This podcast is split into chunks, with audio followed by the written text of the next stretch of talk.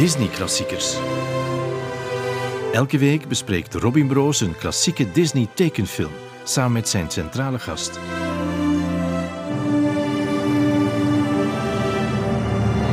Welkom in de 43e aflevering van Disney Klassiekers. Vandaag met een Harry Potter-fan, of ja, een Potterhead zoals we dat noemen.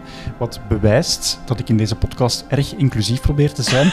Ze is producer en DJ van de favoriete radiozender van mijn moeder, namelijk Nostalgie. Ze is ook podcasthost van haar eigen podcast Vergeten Vrouwen. En vorige week ook begonnen met een nieuwe podcast, The Sorting Hat Revisited. Dus een reeks in de aanloop naar de 20e verjaardag van Harry Potter, of toch de eerste film in België. Dag Shalini van den Langenberg. Hallo. Ik vind het heel schoon hoe dat je begint met te zeggen nostalgie is de favoriete zender van je moeder. Dat is heel schoon. Is dat niet in, in het geval van veel van uw vrienden ook ja, gewoon ja, dat is waar. Maar dat, Ja? dat geldt zelfs voor mezelf, want ook mijn ouders zijn daarvan. Van. Dus allee, ik, ik ben zelf ook de snotneus van heel nostalgie. Ik ben de jongste daar, dus dat klopt eigenlijk wel. Oké, wat doe je daar eigenlijk? Eh, ik ben daar producer, eh, dus dat wil zeggen dat ik eigenlijk eh, achter de schermen heel veel doe en ook op antenne wel te horen ben als zo het groot lawaait van de avondshow meestal. Ehm, maar achter de schermen wil dat eigenlijk vooral zeggen dat zo heel veel dingen die je hoort op antenne, waar dat je waarschijnlijk niet echt over nadenkt, daar zit wel veel... Ja, dat is mijn hond als er Als er gekke geluiden zijn, dat zijn niet bij. Hè? dus Bowie is de hond aanwezig die mijn lamp aan het opeten is.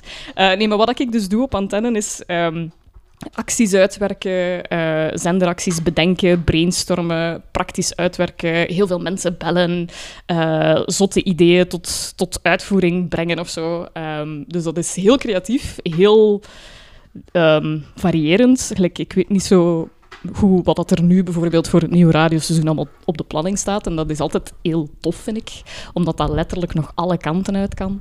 En omdat je daar zelf ook zo wel een beetje je stempel op kunt duwen. Dus dat is, eh, dat is plezant. Harry Potter-fan dus, maar ook Disney-fan. Ah, dat weet ik wel zeker, want daar heb je mij ooit op aangesproken. Ja? Ehm, ik vermoed dat dat ook al even meegaat. Oh ja, absoluut. Ja, want ehm, ik, ik denk dat ik zo...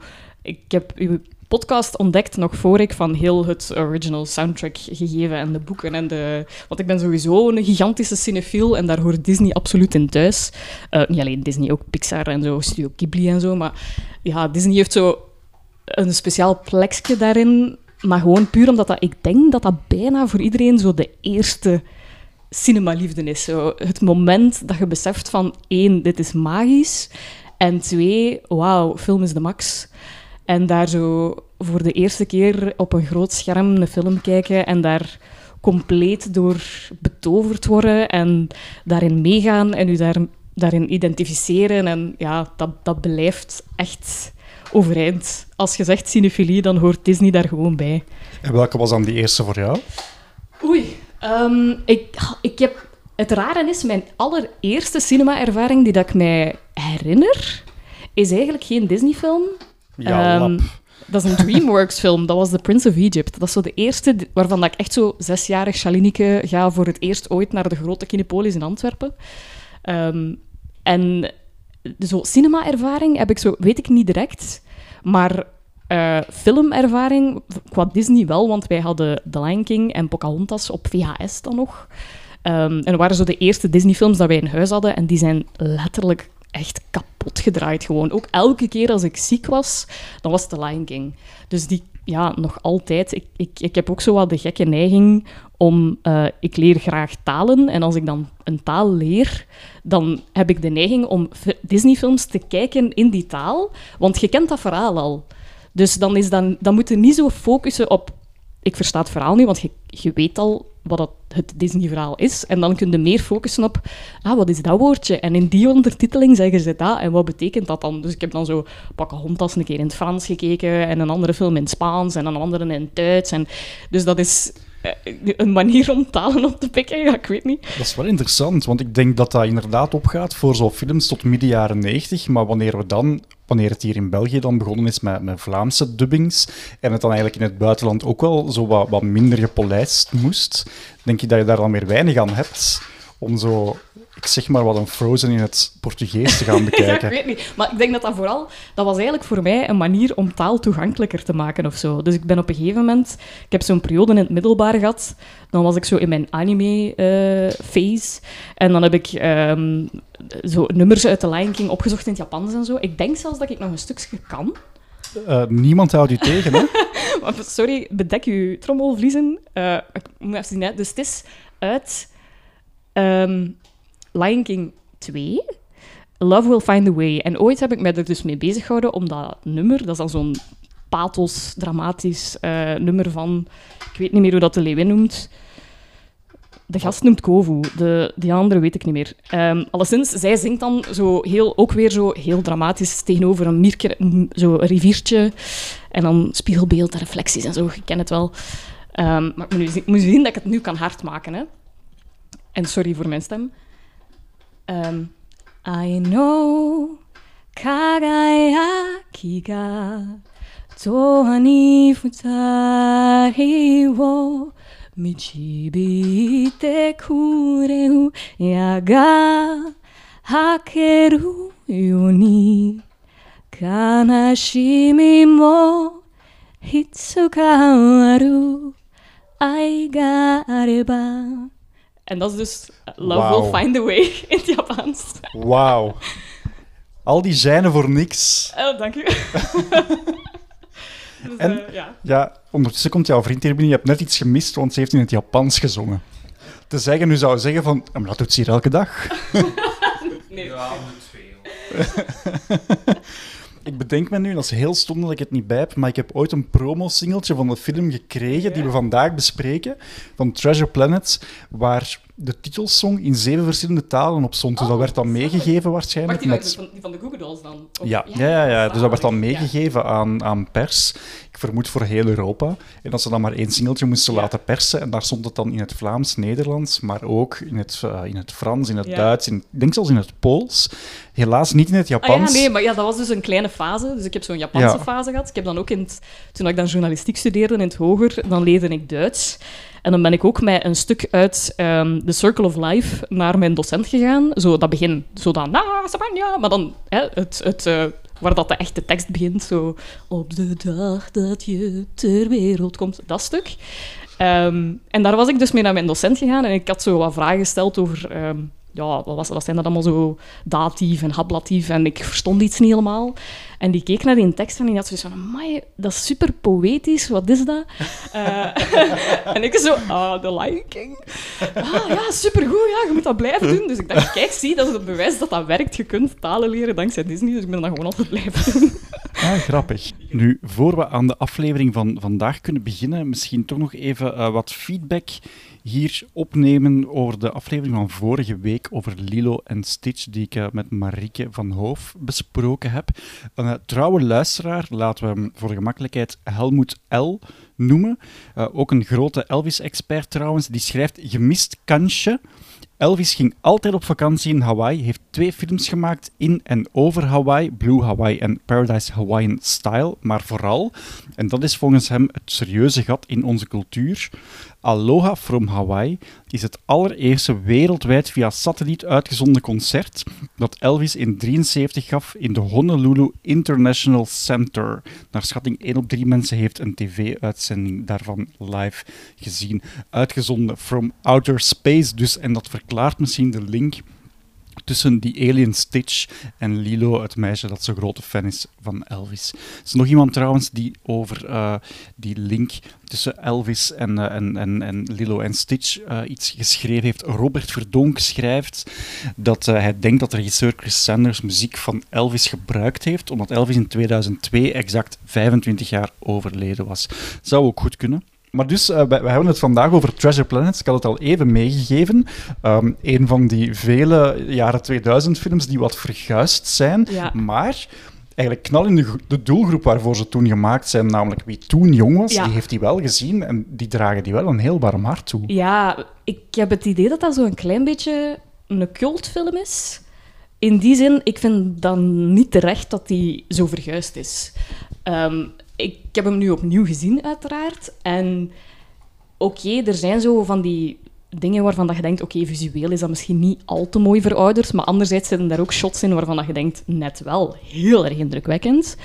Ehm, dus het is zo heel erg een mengeling, maar dat verhaal dat blijft zo universeel, dat maakt niet uit hoe oud dat, dat is. Dus in dat opzicht heb ik echt zoiets van... Die heeft niet de liefde gekregen dat hij eigenlijk verdiende. En er zijn andere films die, waar dat er naar mijn gevoel misschien minder pak aan zit, die dan wel heel erg gehyped worden of zo.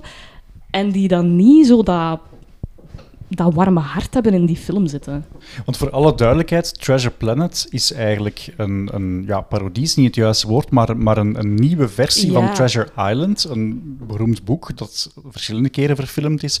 Onder andere ook door Disney trouwens. Die hebben in de jaren 50 een, Ja. Treasure Planet, eh, sorry, Treasure Island film gemaakt, live action.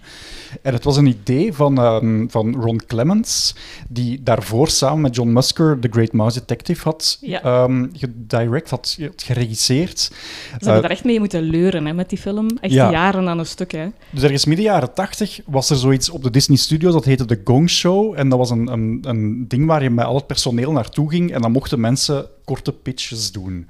En dus die Ron Clements had voorgesteld, ik wil Treasure Island in space doen. Dat was ik- zijn sorry, op zich pitch. is dat toch al een heerlijke pitch. Gewoon Ja. Pirates in Space.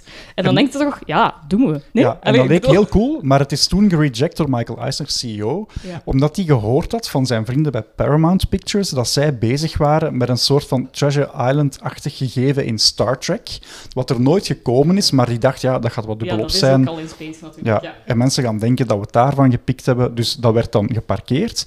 Maar die Ron Clements en John Musker hadden samen ook The Little Mermaids terug boven gehaald. Dat was een, een sprookje waar ze de rechten op hadden bij Disney. En, en dan hebben ze dat mogen maken, wat dan een waanzinnig succes geworden is. Hebben ze na The Little Mermaid nog eens gevraagd, mogen maken? Nee, mocht niet. Na Aladdin die ze gemaakt hebben, nog eens gevraagd. En dan was het Jeffrey Katzenberg, die zei, sorry, gaan we niet doen. En dan zijn ze eigenlijk over het hoofd van Jeffrey Katzenberg gesprongen en zijn ze naar Roy Disney gegaan, het neefje van Walt Disney, die nog werkte in de company. En die is dan tegen Michael Eisner gaan zeggen, die boys moeten dat maken. Dat wil ik echt zien. Maar weet je, ik had, ik had op een gegeven moment ik had een of andere zo video-analysis gezien op YouTube, waarin dat er dus gezegd werd van ehm, dat die film misschien in een zekere zin setup was for failure. Als in, die heeft niet, die heeft niet zo goede ehm, promo gekregen, niet zoveel advertentiebudget. Die is zo'n beetje weggemoffeld bijna. Ook in eh, theaters was die heel moeilijk te vinden. Die speelde maar in selecte zalen, wat dat sowieso al veel moeilijker maakt om een hit te hebben. En dan denk ik van, misschien heeft dat er wel mee te maken. Misschien was Katzenberg gewoon pist. En is dat daarom nooit zo'n succes geworden of zo? Die was wel weg intussen, want Ah die ja, is ergens ja. in de loop van die jaren met slaande deuren weliswaar vertrokken bij Disney. Dus de film is wel uitgekomen wanneer Katzenberg al lang weg was, maar die had toen DreamWorks opgestart. en die waren ook wel heel goed bezig. Ja. Dus ja, enfin, ehm, geen idee wat daar echt dan misgelopen is met deze film. Mm.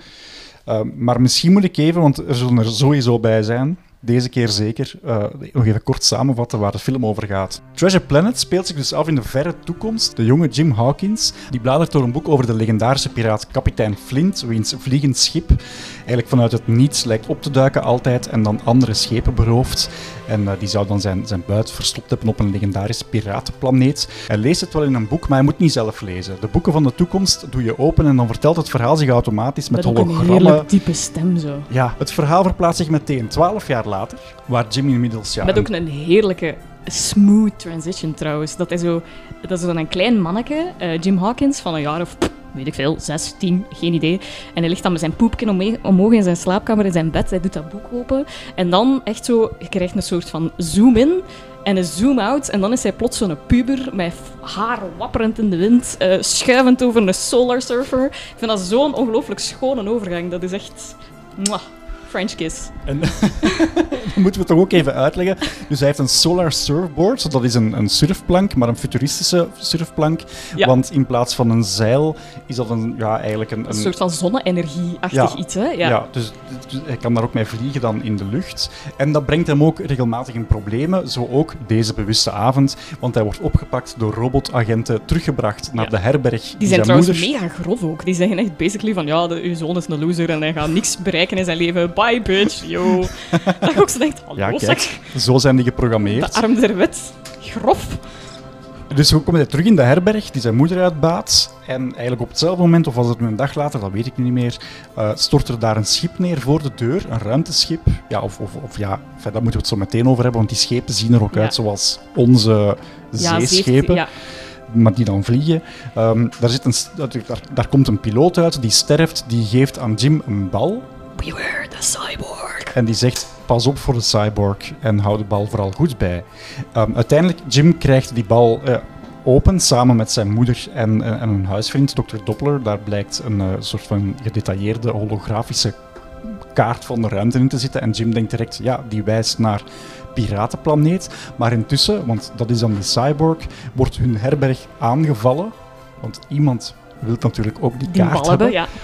En eh, dus ja, de, de, herberg wordt eigenlijk gewoon platgebrand. Ja. Waarop, ja, ze hebben dan toch niks anders te doen. Eh, Die Doppler regelt dat ze een schip hebben eh waar waarmee zit die ze... moeder trouwens heel de tijd? Ja, want Doppler gaat dan samen met Ja, Jim Die zijn dus op weg. reis. Ja, die, die nemen een crew onder de arm, eh, waaronder ehm, een, ehm, kapitein Emilia en een, en een stuurman, Mr. Arrow. En dan eigenlijk vooral een bende Ja. plunderaars onder leiding van de scheepskok, ja, John Silver. En Jim heeft vrij snel in de mot dat Silver waarschijnlijk die cyborg is waarnaar verwezen wordt. En goed, eigenlijk al de rest, ik ga het allemaal niet vertellen. ehm, als ze op die piratenplaneet terechtkomen, ontstaat er natuurlijk eh, eh, ja, grote muiterij. En ehm, daar vinden ze nog een robot, Ben, Ja. die hen toch nog naar de schat leidt, enzovoort, enzovoort. Laten we erover eens zijn dat het wel de moeite is om de film in te halen, mocht je hem nooit gezien hebben. Dus Ja, ik ga niet alles, alles wel. Amai, dat was eigenlijk een lange intro voor... eh, Voor die film, hè, ja, dat lijkt moeilijk om uit te leggen, terwijl eigenlijk is het gewoon een avonturenfilm. Eigenlijk is dat een beetje hetzelfde principe als zo'n Pirates of the Caribbean of zo. Maar... Ja, lap. Ik had, eigenlijk, ik had eigenlijk gewoon moeten zeggen, Charlene, kan jij gewoon de film zijn? Eigenlijk is het gewoon een avonturenfilm. Punt. Nee, maar ik wil maar zeggen, als in, dat lijkt alsof dat superveel uitleg nodig heeft, maar het is, ja, het is Pirates in Space. En, Ja. en als dat geen goede pitch is, dan weet ik het eigenlijk ook niet meer. En dus, zoals ik zei, die ruimteschepen zien er niet uit zoals wij denken Nee. aan ruimteschepen. Dan denken wij aan Star Wars en dan denken wij aan eh, metalige dingen die Ja, wel het is echt wat verroesterd zijn. steampunk eh, gehalte. Hè? Het Ja. is zo'n mix tussen zo 17e, 19e eeuw en dan verre toekomst of zo. Ja, dus ook die schepen Ja. kunnen vliegen op basis van die solar power. Dus de, de, de Ja. zeilen zijn ook een soort van zonnepanelen. En dat zou voor de makers een manier geweest zijn om science fiction toch warm te kunnen maken. Want anders dan, zij vonden dat science fiction vaak Koud. koude ja, films oké, zijn. snap ik wel. En dat je daar dan toch eh, zo'n beetje kan combineren met dat Maar avontuurlijke... heeft ook wel een heel warm kleurenpalet eigenlijk, als je erover nadenkt. Want ik was zelf gaan zoeken van, omdat ik daar dan wel benieuwd naar was, van in welke speelt zich dat dan zogezegd af? Ehm, en het is zogezegd, ja, verre, verre toekomst, 365ste eeuw, century, whatever. Ehm, maar dan inderdaad wel met nog altijd zo een soort van mengeling tussen 17e, 19e eeuwse apparatuur, eh, kledij zelfs, want zo de moeder en, en ehm, Jim zelf, op het moment dat die klein zijn, hebben die echt zo kledij aan van 17e, 19e eeuw zo. Ehm, dus Waarbij je dan weer toch wel weer duidelijk maakt dat al, alles terugkomt in de molen. ik was ook aan het denken, zo, misschien is dat al is zo een het soort van Dark Ages verhaal, weet je wel? Dus dat, je zo, dat er op een gegeven moment is er iets gebeurd waardoor dat alle kennis daarvoorheen is, is, is ver- vervaagd of zo. En dat ze dan zijn teruggevallen op de bronnen die dan nog overbleven van oké, bon, dit hadden we nog. 17e eeuws, 19e eeuws schepen zoals toen, maar dan wel gecombineerd met alle ja, apparatuur, crazy shizzle dat er in de tussentijd ook wel gemaakt is. En een soort van bric-à-brac eh, aan elkaar gepuzzeld of zo. Want het is wel zo'n soort van samenraapsel van stijlen en aesthetics. En... Maar dat werkt wel, vind ik. En om het ook geloofwaardig te maken, want ja, we zitten dan met schepen die eruit zien zoals de schepen van vroeger die op zee vaarden, maar dan in de lucht. Om dat geloofwaardig te maken, want ja, van het moment dat zoiets naar boven gaat, dan eh, beginnen mensen te zweven, want, Ja. want, want hierboven is er geen zwaartekracht. Eh, daarvoor hebben ze Ethereum in het leven geroepen. Dat is een manier om aan boord de zwaartekracht terug te krijgen en dat mensen dus... Zo'n eh, switch, hè, pull the gravity, whatever. ja. Ik vind, ja, ik vind, ik vind op zich... Ze hebben zo dingen die binnen dat universum heel logisch zijn, vrij snel soort van eh, de groundworks daarvoor gelegd of zo. Er is een bepaalde fundering en als je ver genoeg wilt gaan, wat altijd is bij films, als je ver genoeg wilt gaan in je suspense of disbelief, En je denkt van, ah, bon, dit is een wereld waarin dat piraten niet gewoon op zee zitten, maar in space. En eh, ze kunnen daar op een of andere manier ook ademen, want er is toch plots wel lucht of zoiets. Ehm, en er is dan ook wel gravity, maar als je ver genoeg van, een, van het schip zit, ja, dan zijn je wel fucked. Ja. Wat dat ook letterlijk aan bod komt in die film dan ook, wat ik dan wel cool vind. De, de makers hebben daar zelfs een percentage op geplakt. De film moest voor 70%, of of de, de visuals moesten voor 70% ja, echt aards, traditioneel zijn. En 30% mocht er science fiction-achtig uitzien. Ja, Kwestie als die balans werd bewaard, dan zou het publiek ook wel meegaan in het verhaal als je zijn, wil ja. vertellen. Want ik denk dat je anders wel een net iets grotere knop moet omdraaien Ja, als dat het zo kan zich wel. volledig afspeelt. Als, in ja, dat kan wel, dat kan wel. Want dan is het misschien ook net allemaal iets te vreemd. En het is natuurlijk ook nog altijd gebaseerd op dat piratenverhaal. Hè? ja. Dus ze hebben nog altijd in een zekere zin hun bronmateriaal waar dat ze wel recht aan willen doen. En het blijft dat avontuur. Ik heb ook wel de indruk dat ze dat verhaal hebben beter gemaakt. Als in eh, Ron John dan. Die, die twee, die, die hebben we eigenlijk van het verhaal... Want dat was al een, inderdaad al een keer verfilmd door Disney. Maar toen was Jim Hawkins niet zo bijzonder of zo. Niet zo... Ja, ja, dat was gewoon een irritante kleine en die wou op avontuur. Terwijl nu zit daar echt zo'n emotionele lading in. Want ja, Jim Hawkins in het originele verhaal was ook gewoon kind. Nu is hij Ja. puber. Ja. Ik ga er een tweet bij nemen van iemand van een paar weken geleden. Jim Hawkins was voor mij wat James Dean was voor de bakvissen van de jaren 50. He made me feel things. Ja, dat is waar. Ja, van wie zou die quote kunnen zijn? Ondergetekende, ja.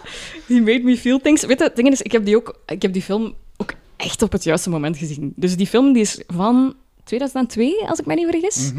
En ik heb die niet op dat moment gezien. Ik heb die zo gezien een paar jaar later of zo, toen ik een jaar of 14 of 15 was, heel hormonaal, heel puberaal, eh, hitsig. eh, en ik heb die film gezien samen met een paar vriendinnen van mij en wij waren echt allemaal verkocht aan dat hoofdpersonage gewoon. Dat is zo, ja, een beetje James Dean gewijs. Dat was zo'n beetje een bad boy met emotional scars. En hij mist dan een vaderfiguur en hij wil redemption. En dat, ah, dat was zo alle juiste knopjes. En ik weet dat dat raar is om dat te zeggen van een geanimeerd figuur, maar die zag er ook niet mis uit of zo. In mijn hoofd zou dat iemand zijn ik op straat zie lopen en waarvan ik ook zou denken van... Hmm, niet mis. Allee, ja, dat was... ehm, ja, the thirst was real. Dus ik... Ja... Wat kan ik zeggen? Ja, ik kan daar alleen maar aan toevoegen dat dat, dat ook dan eh, zeer goed gelukt is van die makers, want zij hadden effectief James Dean in gedachten toen Ah ze dat personage ja. schreven. Dat, ja, ja, De ik bad snap dat wel. Zo, ook zo met dat leren frakje en zo de undercut en zo, de, zo dat hele... Leave me alone! Allee, zo, die vibe krijgen wel zo. Al wordt daar ook op ingespeeld, want aan het einde van de film, zonder nu alles te willen verklappen, maar het is niet dat hij van slecht naar goed gaat. Het is ook geen slecht personage in Nee, het maar dat vind maar ik hij is ook wel de goed bad, aan, hij is ook de eigenlijk. bad boy. Maar op het einde wordt hij wel iemand met meer verantwoordelijkheid. Ja. En zoals Weet het je, dan dat moet... moest voor mij zelfs niet. Want op het einde is hij dan zo... Ze, ze doen dat ook symbolisch, hè, met zo zijn outfit. En dan wordt hij inderdaad zo'n beetje een soort van goody two-shoes. Maar ik vond eigenlijk het leuke daaraan, want dat vind ik ook bijvoorbeeld bij Silver... Die morele ambiguïteit of zo, vond ik net een meerwaarde. Want dat is iets dat heel vaak niet in Disney-films zat. Er was iemand goed of er was iemand slecht. En die beide personages, die dat zoiets... Ja, die zijn duidelijk, die hebben duidelijk beperkingen en die zijn flawed, maar die zijn ook ja, lovable. Dus je hebt nog altijd zoiets van, ik kan u... Die zijn heel menselijk gemaakt. Mhm. En zeker een Silver, nog meer zelfs dan een Jim Hawkins, vind ik daardoor echt een heerlijk personage. Die, Ja. is, die is veel driedimensionaler dan heel veel zogenaamde villains zijn of zo. Ja, Silver is voor alle duidelijkheid dus de scheepskok die zich moet ontfermen over Jim aan Ja, boord. Noodgedwongen, hè? het is tegen zijn goesting. Zo Ja. van, hier, deze... Ja, die dus ook de cyborg is, waarschijnlijk. Ja. Die op zoek was naar die landkaart die, die Jim bij heeft. Maar die dan ook wel gaandeweg een soort van affectie begint Ja. te voelen voor die jongen. Als in van ja. eh, willen snillen. Hè. Je Ja. ziet dat zo gebeuren. En, en dat is dan ook, want een van de, je krijgt dan op een gegeven moment zo die montage, waarin dat, ze dan, dat je ziet dat ze een band aan het kweken zijn op de soundtrack van John Resnick van de Goo Goo Dolls. En ook dat. Ah, echt. Ik Dat ben is dus... wel- ja, dat is een goed nummer. Ja, maar echt goed. Er zijn twee nummers gemaakt die contemporary zijn, die dus, denk ik, aansluiten binnen dat 70-30 eh, geheel. Dus je hebt dan... En het gekke is, dat is geen muzikale film, dat is geen musical, maar toch zit dan die, dat vocal popnummer zit dan los midden in die film. Ja. En toch klopt dat of zo. Dat stoort niet. Integendeel, dat heeft een emotionele impact en een emotionele lading, omdat dat perfect slaat op het traject dat Jim Hawkins op dat moment aan het afleggen is. En zo dat hele I'm still here, mijn vader is misschien weg, maar ik ben nog de moeite waard en laat mij mezelf bewijzen. En so many feels. En dat, ja, ik vind dat supergoed. Ik vind dat echt, echt... En ik ben dus ook... Ik had de film opnieuw gezien en dan daarna ben ik op Spotify zo heel de heel het uiveren van de Google Dolls terug gaan opzoeken. Want ook dat was mijn puberteit, weet je wel. Dat was echt zo de juiste level emo en de juiste level... Ook dat was eigenlijk gewoon een gemene marketingtruc, hè, want dat was zo weer die typische periode die zo half jaren 90 terug ja, dat waren, is. dat, waren niet, waar- dat waren geen musicals, hè. Nee, waar, Nee. waar films dan zeer bewust een titelsong kregen, vaak alleen maar te horen tijdens de aftiteling met een bekende groep van dat moment. Ik denk dat dat zo wat begonnen is met Space Jam, met R. Kelly, die dan zo daar de Ah, hitsingle voor... Nee, dat is... Ja, Ja, ja, ja, ja. Ehm, en ik denk dat dit zeer bewust het idee was, laten we die gast van de Google Dolls vragen om een nummer te schrijven, dan hebben we zo ook al die bakvissen al mee. ja. Ja. It worked. Ja, dat is dat. En ja, zo, hij, die heeft er dan twee afgeleverd, waar Ja. ze dan eentje midden in de film steken, eentje als aftiteling. En dan gebeurt er iets raar. Wanneer dan die muziek wordt uitgebracht, dan Ja, komen dan die... is dat plots door iemand anders. Ja, dus dan... Want dus de aftiteling is nog altijd John Resnick. die dat ook zingt. Die dan de ook zingt. En dat vind ik een supergoeie versie. En als je dat op- gaat opzoeken, is dat zo een of andere boyband Ja, dus dat was een Britse boyband. Wacht, ik moet er hier even bij nemen, want ik weet het uiteraard niet van buiten. BB Mac. Volgens mij was dat zoiets opkomend, of zaten zij onder contract of zo. I don't know. Zo shit, we moeten daar nou ja, iets mee doen. Ja, of- of wie weet was dat als een idee van Disney, we gaan die groot maken, want dat hebben ze ooit ook met Christina Aguilera gedaan, door Ja, die de dat wel titelsong van Mulan te laten ja. zingen, toen niemand, nog, nog, niemand had ooit gehoord van Christina. Dus ja, Ja. het kan ook wel werken. Voor die heeft het dan toch iets minder goed gewerkt. Ja, enfin, voor eigenlijk alles wat met die film te maken heeft. Goed voor de Google als dat ze er wel nog goed uitgekomen zijn. dat is waar. Niemand weet het nog. Niemand had hem gezien. Ehm, ja, wel, ja, absoluut een heel Dat goed is wel nummer. echt ook een zalig nummer om op te zoeken. Allebei eigenlijk. Maar zeker I'm Still Here is echt... Ja, je merkt wel, generatiegenoten hebben heel veel gehad aan die Treasure Planet. Ik kreeg een berichtje van de week van eh, Joppe Wijkmans, iemand die de podcast ontdekt had en, en zei, ja, ik weet dat je eh, volgende week Treasure Planet gaat bespreken. Een film die voor hem een bijzondere betekenis heeft gehad, omdat hij ten tijde van de release erg op zoek was naar zichzelf en zich identificeerde met het hoofdpersonage, waardoor het nummer I'm Still Here een ja, eigenlijk bijzondere betekenis voor hem gekregen heeft. En vond ik ook wel interessant, want ja, ik, ik was toen een klein beetje ouder toen ik die film zag eh, voor het eerst. En ik heb die in de bioscoop gezien. Ik had tickets gewonnen, denk ik. Met een of andere krant, ik weet het al niet meer. Maar dat was dan wel de Vlaamse première. En dat vond ik dan persoonlijk iets minder interessant. Maar Ja. de titelsong maar de- werd toen opnieuw ingezongen door Novastar. En daar was ik dan weer op dat Ah, maar moment dat heel erg grote Ah, want fan die, van. die Nederlandse heb ik dus nog nooit... Maar eigenlijk moet ik dat ook, ook eens opzoeken, want Ah, dat vind ik dan ook wel... Want ik heb hem, denk ik... Misschien heb ik hem wel gehoord, want ik heb, denk ik, de eerste keer dat ik hem gezien heb, dus toen ik zo hè, 14, 15 was, toen heb ik hem, denk ik, wel in het Nederlands gezien. Omdat ik herinner mij zo'n periode, dat was dus ergens derde middelbaar of zo. En dus wij, wij hadden die, eh, drie vriendinnen onder elkaar, wij hadden die gezien. En we hebben echt weken daarna nog altijd om de zoveel tijd geroepen van... Ik ben een vijs kwijt! Zo, gewoon, dat was dan zoiets dat, dat zo een gedeelde referentie was. En iedereen onder ons, dat was zo een ja, mega onnozele inside joke, maar dat heeft dan zo wel nog een tijdje doorgesudderd. Zo. Ehm, dus ik denk dat ik het misschien wel gehoord heb, maar het is niet blijven hangen. Maar ik, ik moet nu wel zeggen, de Engelse versie... Ja, sorry. Nova Star, fan van hoor, daar niet van. Maar ja, John Resnick had ook wel een plekje in mijn hart. En ook die Engelse cast, die is ook echt goed. Want La- dat had ik niet door. Laten we bij Jim beginnen. Hè. Ja. Ehm, ja, kindacteur, eh, die we toen eigenlijk alleen nog maar kenden van Third Rock from ja, the Sun. Joseph Gordon-Levitt. Maar daar was ik ook al verliefd op. Dus allee, ja, dat was Dus- echt zo... Gaat het gewoon niet door.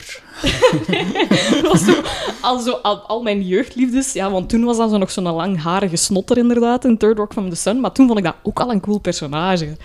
Dus en pas later is dat puzzelstukje gevallen van... Ah, maar dat was diene waar dat ik ook een crush op had. Dus ja, it all came together. Ja, en die zag dat dan als tiener wat ik eigenlijk vreemd vind, want het is toch wel vaak het moment dat je dan begint af te zetten tegen dat soort van Ja. films, die vond het dan weer heel cool om te doen. eer? Ja. Ja, want het was wel Disney. Ja. En het feit dat ik zou kunnen hallo, deel uitmaken tuurlijk. van die traditie. Hey, sign me up hoor. Als er iemand luistert en die heeft iets te regelen bij Disney, ik wil stemmetjes doen, ze. Hallo. ja, jongen, dat is echt mijn life goal. Ik heb journalistiek gestudeerd en op een gegeven moment was zo, kregen wij zo letterlijk de opdracht van, eh, ja, eh, probeer je, zo eerste jaar, eerste jaar journalistiek, probeer jezelf voor te stellen aan de hand van een van jouw ambities of zo. En ja, je zit in journalistiek, dus iedereen kwam af met, ja, ik wil een tv-programma hier en ik wil eh, een boek schrijven daar en ik wil op reportage Ginter. En ik was echt zo, ik wil graag een stem en spreken in een Disney-film. En had- je ziet die docenten ook echt zo, hmm, Ja, tja, foute afdeling misschien. eh. Rits is in Brussel, hè, jongens. ja. Woord en drama. ja, maar ja, echt wel topcasting. hè, Want wie hadden ze nog eh, overwogen? Tom Cruise heb ik ergens gelezen. Michael J. Fox, die al iets ouder waren, maar misschien ja. ook wel dat jongensachtige konden spelen. Maar Want hoe oud waren die toen? Want ik vind het net wel goed dat hij zo dat... dat opnieuw zo dat James Dean-achtige zo... You're tearing me apart. Hij heeft dat wel, vind ik. Mhm. Zo dat angsty...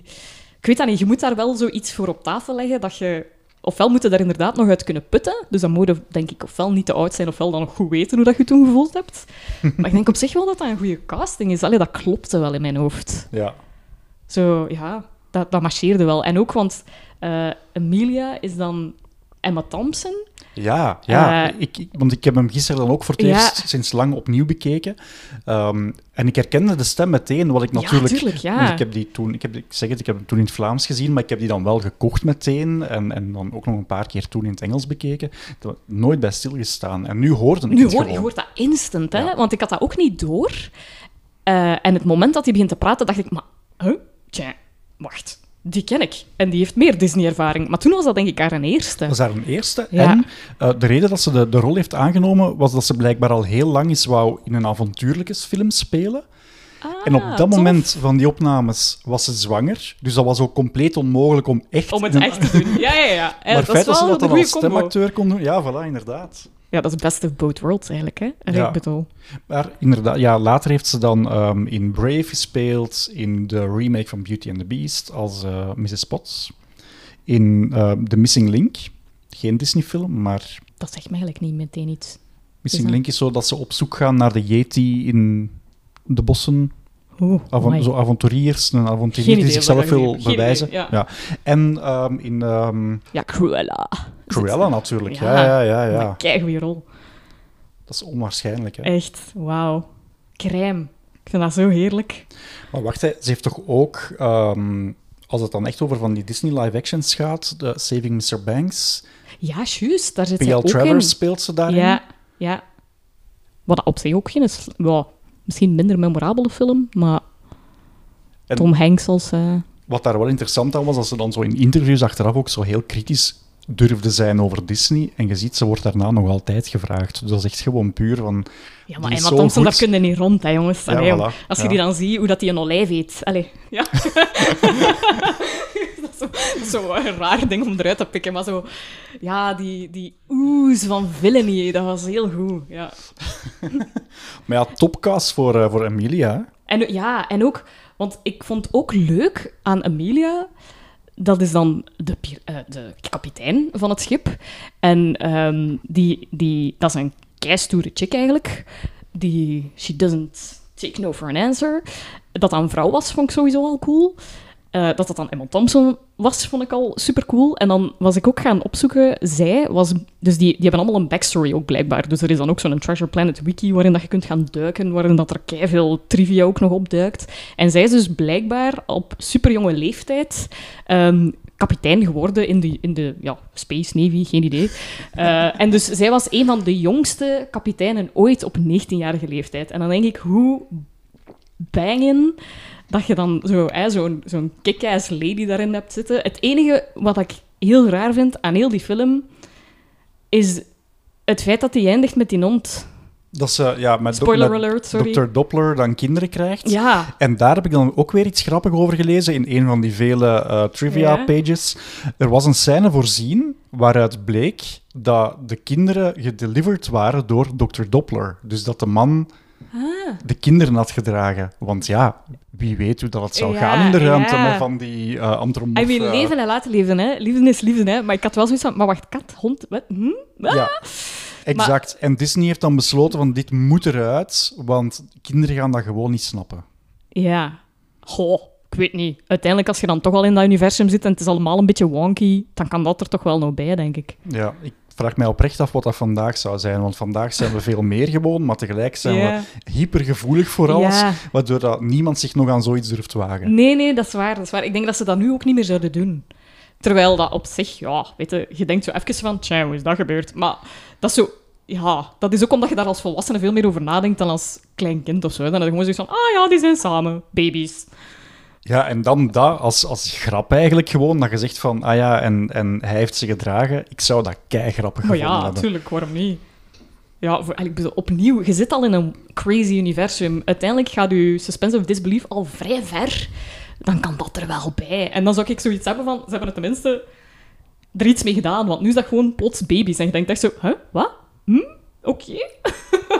ik weet nu hoe dat, dat werkt. Ik denk dat ik het ook niet per se wil weten, maar ze zijn daar.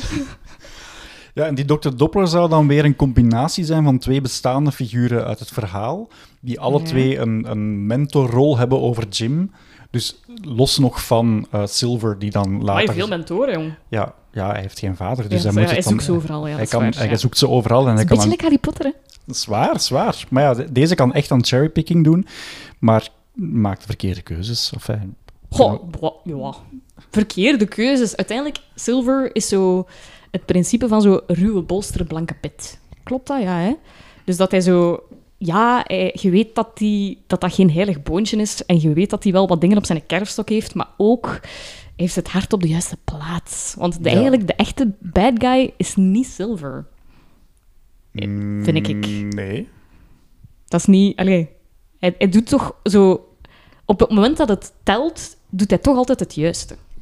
Dus de echte bad guy is dan die, die levensgrote krap. Ja, ik Allee, weet niet hoe of- dat die... ja. Ja, dat volze... Ik weet niet hoe dat die heet. De- zo, Heeft, ja. Krijgt hij een naam? Waarschijnlijk wel. Ik heb ja, ik weet het alleszins niet meer. Ah, ik vond dat echt een creepy personage. Ja, dat is het ook. Ik, wa- ik was trouwens ook aan het denken, Emilia, krijgt die eigenlijk... Wordt die volledig bij naam genoemd? Want ik was mij ook net aan het afvragen of dat, dat een soort van eerbetoon is aan... Hopelijk zeg ik haar na- naam nu juist, hè. Emilia Earhart. Die zo als eerste over de transatlantische oceaan was gevlogen. Hey, dat zou inderdaad wel... Ik heb geen idee of dat, dat klopt, hè. Ik weet niet, dat... Het zou mij niks verbazen, want dat soort van knipogen zitten vaak in films. Ja. En het feit dat we, dat we er alle twee nog niks over gelezen hebben, betekent misschien vooral dat er gewoon heel weinig mensen zijn die het aanvullen Dat op, op de Wikipedia's, waar, ja. IMDb's en, zo- en trivia Maar dan mogen toestanden. wij dat invullen gewoon, hè. Dus bij deze, dan is dat Ja, maar het zou, wel goed, aan... het zou wel goed kunnen. Ja, het, het verbaasde mij twee weken geleden ook al bij een film als Atlantis, die, die het ook niet zo heel goed gedaan heeft. Wat Eh, ook een underrated classic is, vind ik eigenlijk. Exact. Ik vind dat maar qua, daar- qua maar daar- artstyle vind ik dat ook een kei toffe film. Maar daar vind je dan weer heel weinig informatie over. En dus Ja. nu bestaat die film exact 20 jaar.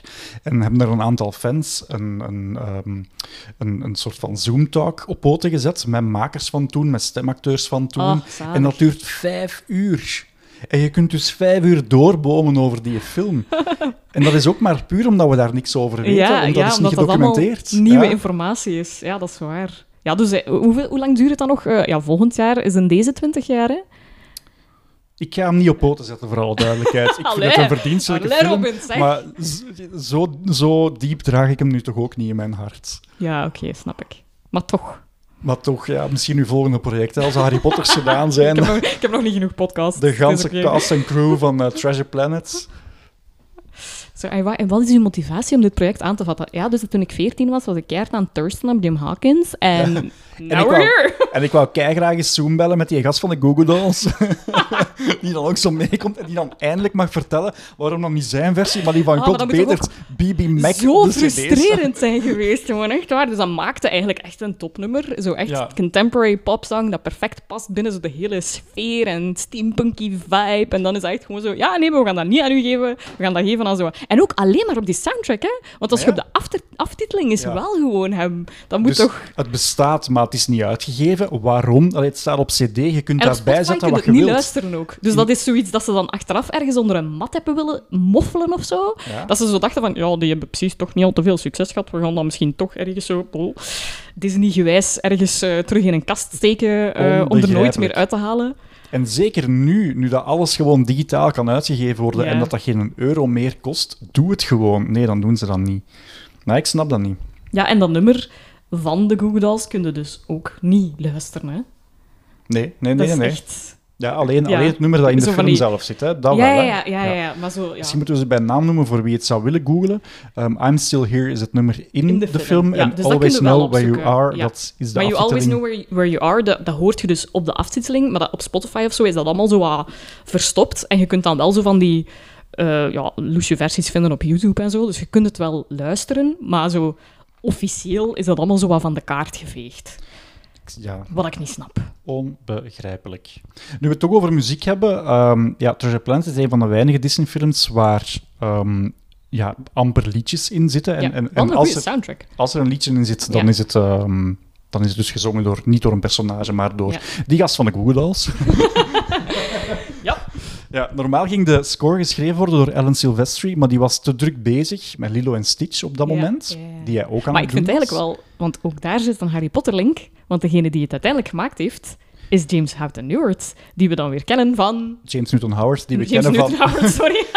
ja, die we kennen van eh, Fantastic Beasts Van and Where to Fantastic Find Beasts Them. and Where to Ja. Find Them, ja. Ja. Dus, en ik vind dat ook wel echt een, een, een coole soundtrack, want eh, ik had zo ergens... Maar ik weet dus niet of dat klopt, misschien kunt jij dat bevestigen. Ik had zo ergens gehoord eh, of gelezen dat ze om de feel van dat hele steampunk-gegeven correct te krijgen, dat ze dus allemaal zo van die roestige dingen en, en eh, Twinkie, allee, zo allemaal dingen die geluid maakten, hadden verzameld om dat ook te verwerken in die soundtrack. Om dat ook allemaal zo wat er een extra laag aan toe te voegen, dat dat zo wat klopte van elke deur, elke hendel, elk geluid van dat schip, dat dat zo ergens vandaan komt van, ja, brol eigenlijk, op zolder.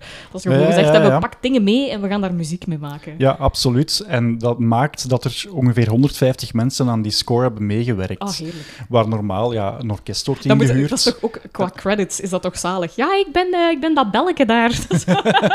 Ja, en ik heb op de vuilbak getrommeld. Goed gedaan, goed gedaan. Ja, dus eh, op een bepaald moment krijgt hij James Newton Howard. Op dat moment had hij voor Disney al eh, Dinosaur en Atlantis gedaan. Ja. Niet bepaald de grootste hoogvliegers. Ja. Krijgt hij telefoon. hey, ehm, we hebben net bevestiging gekregen dat Sylvester het niet doet. Oh, En die zijn hebben- track record is dan eigenlijk echt niet zo goed. En we hebben nog vijf maanden te gaan voor Goh. release. Zie het zitten. En dan heeft, heeft, hij dan, dit- heeft hij dan daarna Disney-films gedaan die wel heel goed gescoord hebben? Of, of Ehm, was het dat is- gewoon... Het is maar heel recent. En dat is die Raya and the Last Dragon. Ah, ja. Wat op zich een verdienstelijke Ja, score is. Maar ja, die, die film is alleen op Disney Plus uitgekomen. Dus opnieuw is dat in niet... VIP-versie, dus je moest er voorbij Ja, betalen. want ik weet niet hoe dat, hoe dat die scoort ook qua... Dat Want die heeft dan ook weer de pech dat dat in een ja, coronajaar, tussen aanhalingstekens, dat hij dat die ook niet zoveel heeft gedaan als dat hij waarschijnlijk had kunnen doen. Klopt. Dus in dat opzicht heeft een, eh, de James nog niet al te veel chance gehad met zijn soundtracks eigenlijk. Als het voor Disney is, inderdaad. Ja. Ehm, maar ik vind dit inderdaad ook een, een bijzonder goede soundtrack. Ik heb die toen ook meteen gekocht, wat toch wel frappant is voor... ehm, al ik was toen, denk ik, een jaar of 18 toen die uitkwam. Ja. Dus dan was ik daar eigenlijk echt volledig uit, uit mijn Disney-periode. Maar dan toch die soundtrack kopen, omdat ik dat echt verbluffend vond. En ik herinner mij ook nog, wat dan weer... Waar ik mee mezelf nu ga tegenspreken. dat ik datzelfde jaar oudjaarsavond gevierd heb in Disneyland Parijs. Ik was eruit. Ja, ik was er helemaal uit, behalve dat dan. En ehm, het aftellen en, en zo het vuurwerk om 12 uur was op deze muziek. Ah, heerlijk. Ja, Dus voor mij zat dat altijd daarmee. En ik kende die dan ook als waarschijnlijk een van de weinigen in het publiek. ja dat je niemand dat had die film gezien. ook. Maar ja. dat ik dat herkende omdat ik dat al zo vaak had gedraaid. Maar zalig. Ja, het is dat heel heroïsche Ja, muziek. hè. wel. Het is een duidelijk eh, melodisch thema Het is ook dat, in. want ik vind die intro-scène alleen al, vind ik, dat zet binnen, wat is dat, een minuut of drie of zo, zet dat direct zo heel goed de sfeer. Je hebt dan zo die diepe, bulderende basstem die je introduceert in het universum. En dan krijg je inderdaad zo vanaf het begin, je ziet dat schip binnenkomen en dan die muziek daarbij en dat doet het wel, vind ik. Mhm. Het schept meteen de sfeer van, ah, tuurlijk moet dat een klein beetje heroïsch zijn, want je zit in een avonturenfilm en je zit in een piratenfilm. Ja. En daar bovenop wordt er dan nog een keer de ruimte gekletst. En ja, ik vind wel dat, dat eh, James Newton Howard dat wel supergoed gedaan heeft. En nu dat je het zo vertelt, bedenk ik mij, eigenlijk is dat begin gepikt van Toy Story 2. Want dat zijn beide films die u de eerste twee, drie minuten op het verkeerde been zetten Ja. door een verhaal te vertellen wat niet het verhaal is.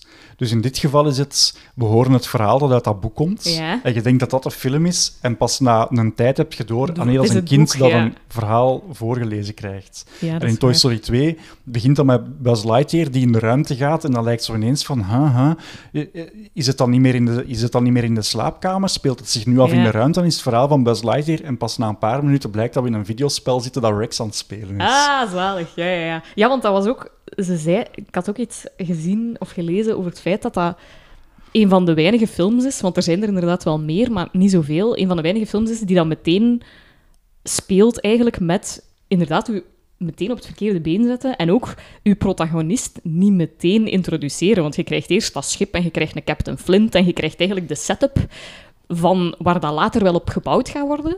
Maar ik vind dat wel een goede, goede fundering, want eigenlijk heel die eerste scène is, wordt daarna bijna volledig ontkracht.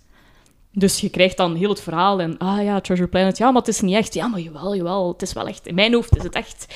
En ah, met een kleine spacer moet gaan slapen. En dan cut to Jim Hawkins, glorieus, heroïs, superheet, op een solar surfer. Ehm, en dat hij dus, eh, ja, eigenlijk... eh, aanvankelijk hebben die dan zo'n heel... Allee, mama en, en, en, en zoon een heel lieve, warme relatie. En dan blijkt dat het toch allemaal zo wat stroef is tegen dat hij een puber is. En dat allemaal zo wat... eh, schuren zoals het hoort bij de puberteit. En dan het feit dat hij, ja... Niet, of tenminste niet, niet veel dingen gelooft of zo. Dat hij precies een beetje moedeloos is. En dan Treasure Planet niet bestaat. En en dan was er zo nog iets dat ontkracht wordt. Ik weet het niet, maar het is zo heel veel dat zo eigenlijk... Eerst wordt het opgezet en dan zo... Ah nee, wacht, het is toch anders. en dan zijn ze eigenlijk vertrokken en dan wordt er echt zo stapje per stapje per stapje voortgebouwd aan dat plot. En ik, begin, ik vind dat dat eigenlijk pas begint te rammelen op het moment dat die een Ben daarbij komt. die een robot. Ah, ja, ja. Omdat dat zo... Ja, dat is zo'n vehikel natuurlijk, hè, om het verhaal verder te krijgen. Eh, Dus Ben is een robot die hen uiteindelijk wijst naar de Ja, plek waar de ja. schat mogelijk zou kunnen liggen. Ehm, ja, dat is, dat, is, dat is een grappig en leuk personage, maar die wordt wel pas geïntroduceerd echt na een uur of zo pas, twee derde in Ja. de film. Ehm, ook leuke stem, ook, hè, dat, is, dat is Martin Short dat dat doet.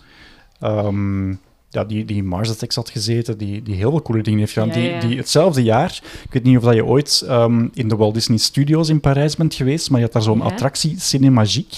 Ja? Zo een, een reis doorheen de ja, filmgeschiedenis. en dat was hij die als personage in al die scènes terecht kwam. Dus je had zo Ah, één figuur God, die ja, in de film werd gezogen. Het zit ver, maar ik heb het ooit gezien. En ook heel grappig, Ben als zijnde ehm, robot zingt op een bepaald moment ook een strofe uit Pirates of the Caribbean. Ja, ja, De- de Pirate's Life for Me. ja. Ja. Ja, Ik had ook nog... Wacht, hè, want op een gegeven moment... Ik had begrepen dat... ehm, dus eh, Ron en John dan... Dat die zich hadden... eh, dat die enorm geïnspireerd waren door James Cameron en Steven Spielberg. En ik dacht, zouden dat merken in die film? En op een gegeven moment, dat moet, dat kan niet anders dat dat een knipoog is. Op een gegeven moment zegt een van die piraten, we're gonna need a bigger boat. Dat is toch van Jaws? Wat, een, wat inderdaad exact letterlijk een citaat uit Ja, Jaws is. Ja, ik, ja, en ja. ik dacht echt zo, I see what you did there. Dat, is- dat vond ik echt wel eh, een toffe. De, de reden dat ze dat zeiden, ehm, had er vooral mee te maken, cameratechnisch, dat dat regisseurs zijn die heel graag eh, met de camera volledig Ja. rond hun object gaan en dat je zo'n soort van 360 gevoel krijgt in Was dat, één dat was dat shot. daarom ook dat dat zo duur was, of Ja, niet? en Zo dat was hele- technisch niet mogelijk, omdat op dat Ja. moment... Want het, het is er een combinatie van... De personages zelf zijn 2D getekend, maar heel veel decors en heel veel ehm, CGI ook moeilijkere nog. personages, zoals die... ehm, Die Silver, zoals die had, Silver, ja. denk ik... Dat was een deel, denk ik, gewoon getekend. En dan een deel, zo zijn van- cyborg-ledematen, Ja. zeg maar. Dat was dan... Ik denk, kom, eh, dat is dan CGI. Maar dan hadden we ook nog dat hele... Wat is dat dan? Deep panning? Of ik weet niet hoe dat... dat alleszins, ja, om, om gewoon één scène op te bouwen, is dat eigenlijk echt bricolage. Ja, ja, ja. ja Dus ik kan mij voorstellen dat die ook echt dachten van... Hoe, het duurde allemaal wat langer dan gepland. En hoe, het is ook allemaal wat duurder dan gepland. Ja, er wordt wel Eh, eens gezegd dat het tien jaar heeft eh, gekost om te maken, wat denk ik niet helemaal waar is. Dat heeft er wa- waarschijnlijk vooral mee te maken dat ze lang hebben uitgezocht ja, hoe gaan we is dat, dat ook niet technisch zo een doen. beetje het idee van... Gelijk een George Lucas bijvoorbeeld bij Star Wars. Ja, dat heeft ook lang geduurd voordat hij aan prequels of weet ik veel wat is begonnen. Omdat hij dacht van... Ja, maar nu is de techniek zover Ja, dat ja, ik ja. dingen kan aanpassen zoals ik ze zogezegd ook altijd in mijn hoofd al had. Mhm. Dat dat misschien ook zo was van... Ja, die waren daar al super lang mee aan het leuren. En elke keer was dan Katzenberg zo van... Nee, nog een film. Kom, nog een film. En nog maar incasseren, jongens. Je bent goed bezig. Kassa, kassa, kassa. En dan pas op een gegeven moment dat ze denken van... Allee, kom aan. Laat ons nu eindelijk Pirates in Space maken. En dat je dan ook inderdaad denkt... Ondertussen is dan ook de technologie ver genoeg gevorderd. Want er zijn... Ik zeg het, er zijn scènes waarvan dat je ziet van... Oké, die zijn visueel niet zo mooi verouderd. Maar er zijn ook scènes waarvan dat je denkt... Amai, dat 3D-effect is echt Ja, ja, zo, wanneer zo- zo'n schip bijvoorbeeld richting Ja, de, de camera komt, en is ja of, eigenlijk of denk op een gegeven moment gewoon... is er zo'n scène en dan... eh, Jim Hawkins moet weglopen van die vieze turtle. Ik weet niet wat voor een beest dat, dat is. Eh, spin... ik heb echt geen idee. Alleszins die viezerik. Ja. Eh, die moet weglopen van die viezerik en dan zie je dus... Jim loopt eigenlijk naar u toe als kijker en hij smijt zo wat van die tonnen omver in de hoop om, om eh, die, eh, ver weg te houden. En je ziet echt zo eigenlijk de nok van het schip Ja. helemaal in de verte. En dat, ja, dat vind ik supergoed gedaan. Dat, is echt, dat, dat blijft nog altijd overeind. Er zijn zo van die achtergronden soms... eh, Ik, ik denk zo... Ze hebben dan die Crescent Moon, die planeet... eh, Montessori of zo. Ik ben niet hon- 100% zeker hoe dat ze heet. En, en daar heb je zo op een gegeven moment... Dat zweeft zo'n beetje in het eilen. Zo. Dat is dan iets dat minder mooi is. Dat je zo denkt... Goh, ja, denk, mochten ze daar nu nog een keer naar kijken... zouden ze daar wel nog wat extra laagjes, laagjes Ja. op kunnen leggen. Dat dat ook een schone achtergrond heeft. En dat dat wat schoner verouderd. En dat dat er niet zo bric-à-brac eh, CGI uitziet. Dus soms denkt ook wel van... Met de huidige technologie zou dat waarschijnlijk veel mooier zijn. Maar er zijn ook wel echt... En het, ik weet dat dat waarschijnlijk controversieel is, zo dat hele combinatie van CGI 2D. Maar doordat dan ook nog altijd een groot deel handgetekend is, blijft dat ook wel nog altijd in een zekere zin tijdloos, vind ik. Mhm. Het feit dat Jim Hawkins wel gewoon een handgetekend personage is, vind ik wel nog altijd een meerwaarde of zo. Ja. Want daarna hebben ze, denk ik, ik denk dat ze een paar films dan nog hebben gemaakt en dan gewoon gezegd hebben, toekoer, weg met... ja, Home on the Ranch. En dan zijn er heel veel Ja. eh, CGI-projecten geweest bij Disney. En dan hebben ze nog eens met The Princess and the Frog geprobeerd. Ja, Wat eigenlijk een hele mooie film is, Ja, maar dan toch weer resoluut gekozen ik weet, voor... want ik, het, is daarom, ik denk dat ook heel veel mensen zoiets hebben van, je had dan de Disney Renaissance, wat dan zo, ja, dat was basically mijn jeugd. Dus dat zijn zo alle films die dat ik letterlijk van voor naar achter naar buiten ken, soms in meerdere talen. Ehm, dat zijn zo de films die dat, waar dat je hè, voor uw podcast ongetwijfeld nooit iemand voor hebt moeten zoeken. Want als je vraagt wat is je favoriete Disney-film, die gaan bijna allemaal uit die periode komen. Dat is helaas waar gebleken. Ja. En dan deze is zo een soort van zo aanmodderdecennium, of zo wordt dat dan toch beschouwd. Eh, terwijl dat er daar ook wel gems in zitten, hè, zoals bijvoorbeeld een Treasure Planet, of een Atlantis, of een Keizer Cusco, wie dat, dat ik ook geweldig vind. Ehm, maar het is pas... Ik weet wel dat als je kijkt naar het aanbod, zo tussen 2000 en 2009, heb je ook wel zoiets van... Eh. En het is pas vanaf Princess and the Frog dat je wel denkt van... Ah, nu zijn we er terug. Dit is... Hè, ja, zo noemen dat denk ik ook de revival era. Dus dat is echt gewoon zo Mhm. terug naar de glorieuze dagen van... Ja, dat moet niet per se prinsessen zijn, maar gewoon qua feel en qua look en qua uitstraling is dat wel zo de... Wat dat je verwacht of zo. ja, ja, ja, ja. Op den duur wisten ze het zelf niet meer. Hè. Dan, dan, dan Ja. iets te hard aan het zoeken geweest. Ja. Ja, iets, terwijl op zich experimenteel... eh, Er zijn experimenten die super hard zijn geslaagd. Hè. Als je zo kijkt naar zo'n Fantasia 2000 of zo, dat marcheert, hè. Experiment, ja, all for it. Maar zo... Ik blijf wel nog altijd meer ingepakt worden door schoon artwork dan door schone CGI of zo. Mhm. CGI veroudert ook super veel sneller dan... eh, Als je kijkt naar zo die... In het begin eh, Sneeuwwitje 1937, dat zijn handgetekend, allee, handgeschilderd. Dat is waanzinnig. Dat is nog altijd zo ongelooflijk knap. Als je daar storyboards van ziet, als je daar tekeningen van ziet, die artwork, daar kun je niet anders dan daar met open mond naar kijken, want dat blijft overeind. En bij CGI hadden dat misschien gewoon... Min, dat veroudert minder schoon. Ja, ja, ja absoluut. Ik, Dat is, ja... ik heb ooit de originele Toy Story eh, opnieuw mogen bekijken op een groot scherm in het kader van een reportage voor, ik denk dat het 20 jaar Toy Story was of zo.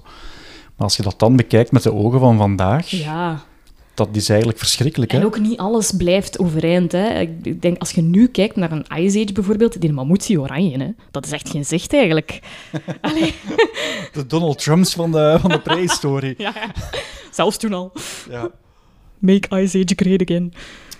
Er zitten nog wel wat knipogen in de film, want je hebt die van Jaws ontdekt. Ehm, in het begin, wanneer we in het boek bladeren, dan zit er ergens een eh, Stitch-popje.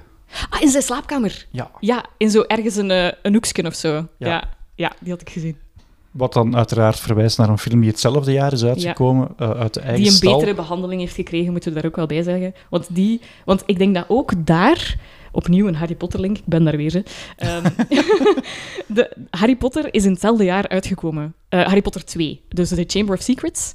En dat is ook weer zo een hele nare, eigenlijk, voor, voor deze film. Dus Lilo, Lilo en Stitch is uitgekomen... Ik denk dat die praktisch geen concurrentie had. Zo, er was ene film, maar die trok op geen hol. Ik weet het niet. Alleszins, Ja. eigenlijk volledig weggeplaveid voor een gigantische kaskraker. Ook superveel filmpjes van gemaakt op voorhand. Hè. Van gaat dan allemaal zo die parodiefilmpjes, die Ja. super tof waren ook. Ja, ja, ja, dat hij zo bij, was dat, Beauty and the Beast, dat hij dan zo over het plafond en alles kapot aan het doen is. Wat dat een zalige voorbereiding is, want dat je weet dan al van, oké, dit wordt Ja. anders. En dat eindigde altijd met dan zo'n prinses die daar dan zo tussen kwam en zo kwaad riep naar Stitch, get your own movie. Ja, dat was toch keigoed. Dus die hadden daar echt zo'n promomachine van Disney vol een bak aan het werk. Dus dat kon bijna niet anders dan, dan, dan slagen eigenlijk. En dan hadden we nog zo dat hele... Hè, Ohana means family en family means no one gets left behind. Zo van die dingen die nu nog altijd je hart bijna laten breken. En dan Treasure Planet, een zomerfilm, die niet uitkomt in de zomer, maar in december, als ik me niet, eh, niet vergis. Tegenover Harry Potter 2 en ik denk zelfs ook Lord of the Rings.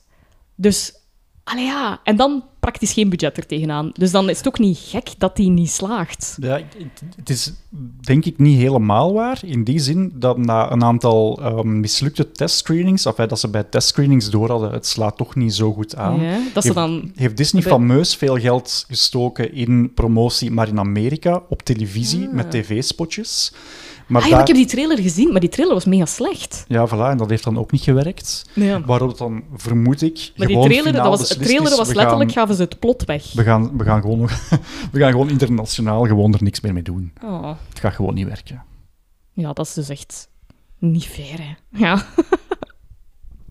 Hadden ze Treasure Planet, de Lilo en Stitch, zo een pak, pak, pakketje gegeven, hè? hadden ze de, dezelfde treatment gegeven, dan had dat misschien ook even goed kunnen scoren. Ik weet dat niet, ja. Probeer er mij iets bij voor te stellen dat Ben zo ineens in de, in de balzaal bij Beauty and the nee. Beast staat. Ja, ja, then again...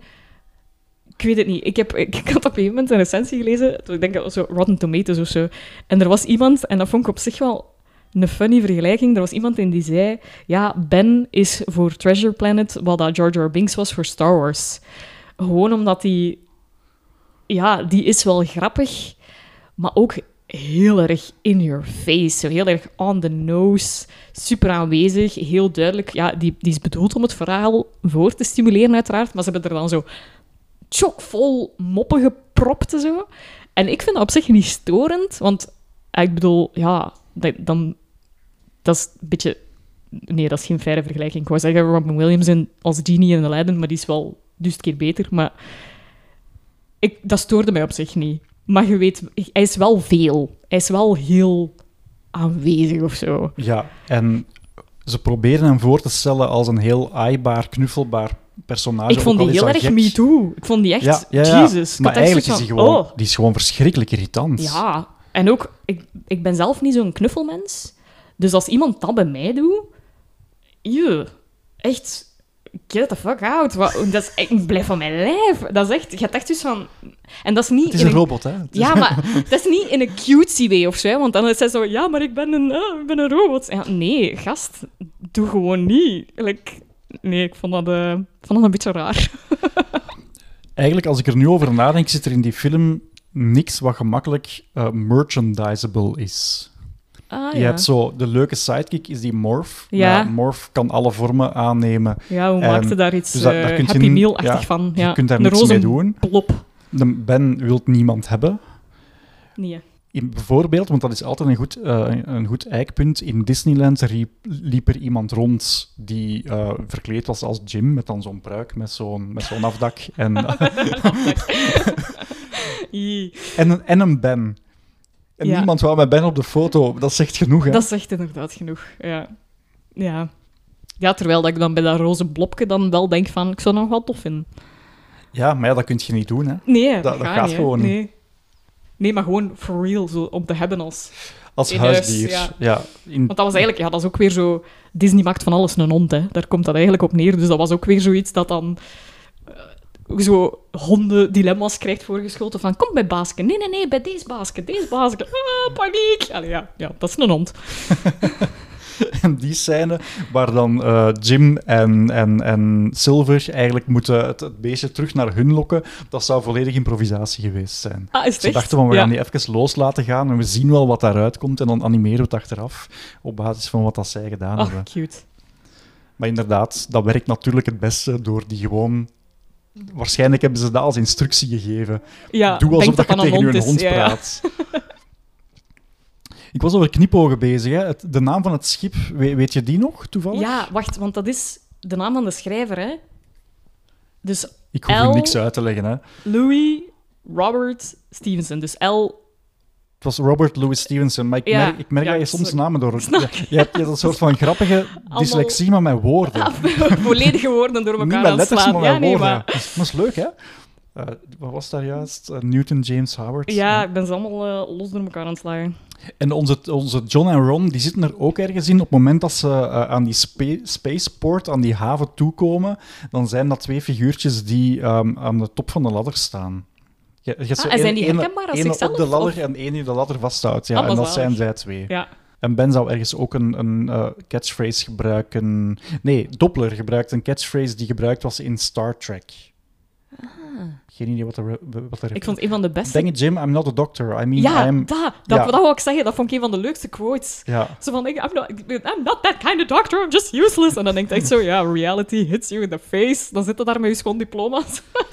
En dan moet blijkbaar Bones ook wel eens gezegd hebben tegen eh, Captain Kirk. Maar dan in de jaren Ah, oké. 60 Ik wist niet dat dat een referentie was, maar ik vond dat wel, ik vond dat wel een, goe- een goeie. Dat is een hele, hele goeie. Ja. Ja, de film heeft het niet goed gedaan. Hè. Ik durf geen cijfers meer geven sinds dat eh, Julian de Bakker mij erop gewezen heeft dat je nooit mag zeggen ehm, hoeveel verlies een film heeft gemaakt op basis van de box office en wat de film gekost heeft. Omdat Hollywood altijd heel shady Ah, eh, manieren heeft om, om dat uit te testen. Maar, maar ik volgens ergens 70 miljoen of zo. Iets in die trant. verlies. Ja, Verlies, ja. dat heb ik dus ook ergens gelezen. Nu, enfin, los daarvan, laten we wel wezen. Dit heeft Dat is niet zo, goed, ja, ja. niet zo goed gedaan, inderdaad. Wat ook maakt dat de geplande sequel nooit uitgekomen is, of zelfs nooit in gang gestoken is. Ze gingen een sequel maken waarin uh, Willem Dafoe de Wat villain ik zo jammer spelen. vind, want dat wist Ja. ik dus, dat Willem Dafoe daarvoor gecast was. En Ja. die kerel, we weten dat hij een supergoeie bad guy kan, spelen, want dat is de Green Goblin. Allee, dat is... Eigenlijk zouden ze nu gewoon een live-action sequel moeten maken. In plaats Oh, van een remake, ja. gewoon... Hè. Zou dan Joseph Gordon-Levitt nog altijd een goede Jim Hawkins zijn? Dat weet ik eigenlijk niet. eigenlijk wel, ik denk dat wel. Ja. En dan Emma Thompson, ja, gewoon cast, paf. We zijn er. Get on it, Disney.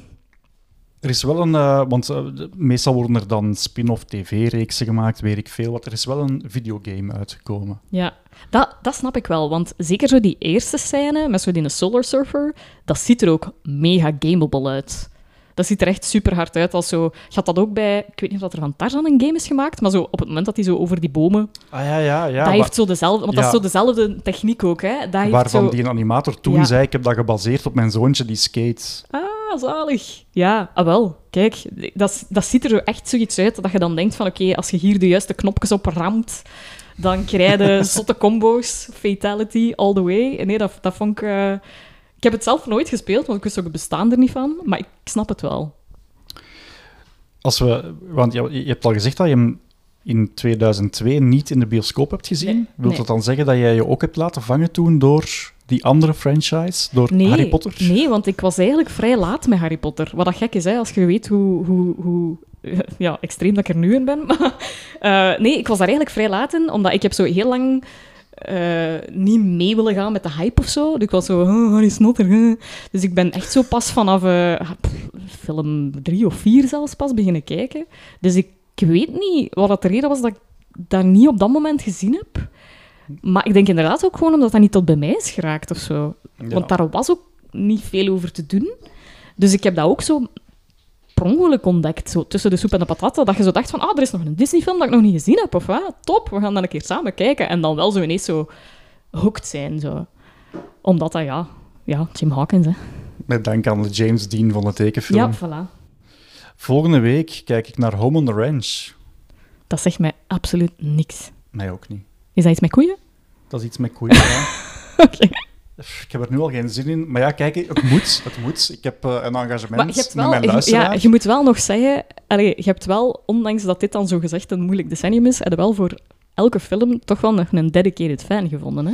Ja, vanaf nu begint het echt wel heel moeilijk te worden. Oké. Dat kan ik er wel bij zeggen. Want wat, wat schiet er nu nog over? Chicken Little? Ah, Home Ranch, Chicken Little, Meet the Robinsons en Bolt.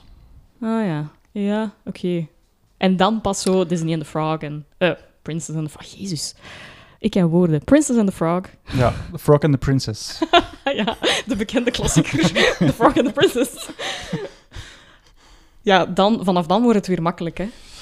ja, dat denk ik ook. Maar eh, nu is het even eh Doorbikkelen. ploeteren. Ja. Maar toch, ik hoop dat ik een, een deftig pleidooi heb gekeken dat mensen op zijn minst ene keer moeten luisteren naar één, de soundtrack van zowel James Newton Howard, nu zeg ik het juist, hè? Ja, ja, ja, ja, ja, als ja, zeker. de Goo Dolls, als de film kijken. Hè? Al is het alleen maar voor zo de vader-zoon bonding tussen Silver en Hawkins. Ik denk dat James Newton Howard, Howard het zelf ook niet zo goed weet, want hij heeft mijn CD gesigneerd en ik kan er niks van maken. Misschien dat hij gewoon zelf niet goed weet. Hij vond, Zal het ook, dacht hebben, goh ja, die film, dat maakt niet uit. hij vond het ook heel raar. Hij zei, ik heb die echt al tien jaar niet meer gezien. Oh, wauw. Dat- Kijk, maar dat maakte wel indruk, denk ik. Zo van... Ja, was een Of net niet. Ja. Misschien denkt je van, fucking kerel hier. Ik heb zoveel goede dingen Mijn gemaakt en je komt met dat af. Dus ja. ja, dat kan. Dat weet ik niet. Sorry, maar- James. Nee, het is iets om trots op te zijn, vind ik. James, trek het u niet aan, jongen. Grote dank Zeer graag voor gedaan. dit warme, fijne pleidooi. En vooral Voilà. heel veel succes met de eigen podcast, hè, want die is nog maar net begonnen. Ja, ja, dus nu eh eerste aflevering online met Lecter. Eh, wat ook een heerlijke mens om naar te luisteren, sowieso. En jij komt er zelf ook nog in aan bod. Het schijnt, ja. Het schijnt. Dus dan eh, iedereen die nu afvraagt wat een Disney-freak in welk Harry Potter-huis... Want het was een moeilijke zet voor u, hè. Je hebt u even erover moeten zetten. Oeh, amai, ja. Dat was ja, een klein verraad, maar merci om het toch te willen doen.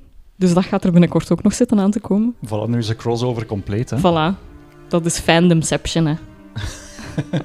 Misschien moeten we iets uitdenken voor, eh, voor facts. Maar daarover later meer. Voilà. Merci, Shalini. Graag gedaan.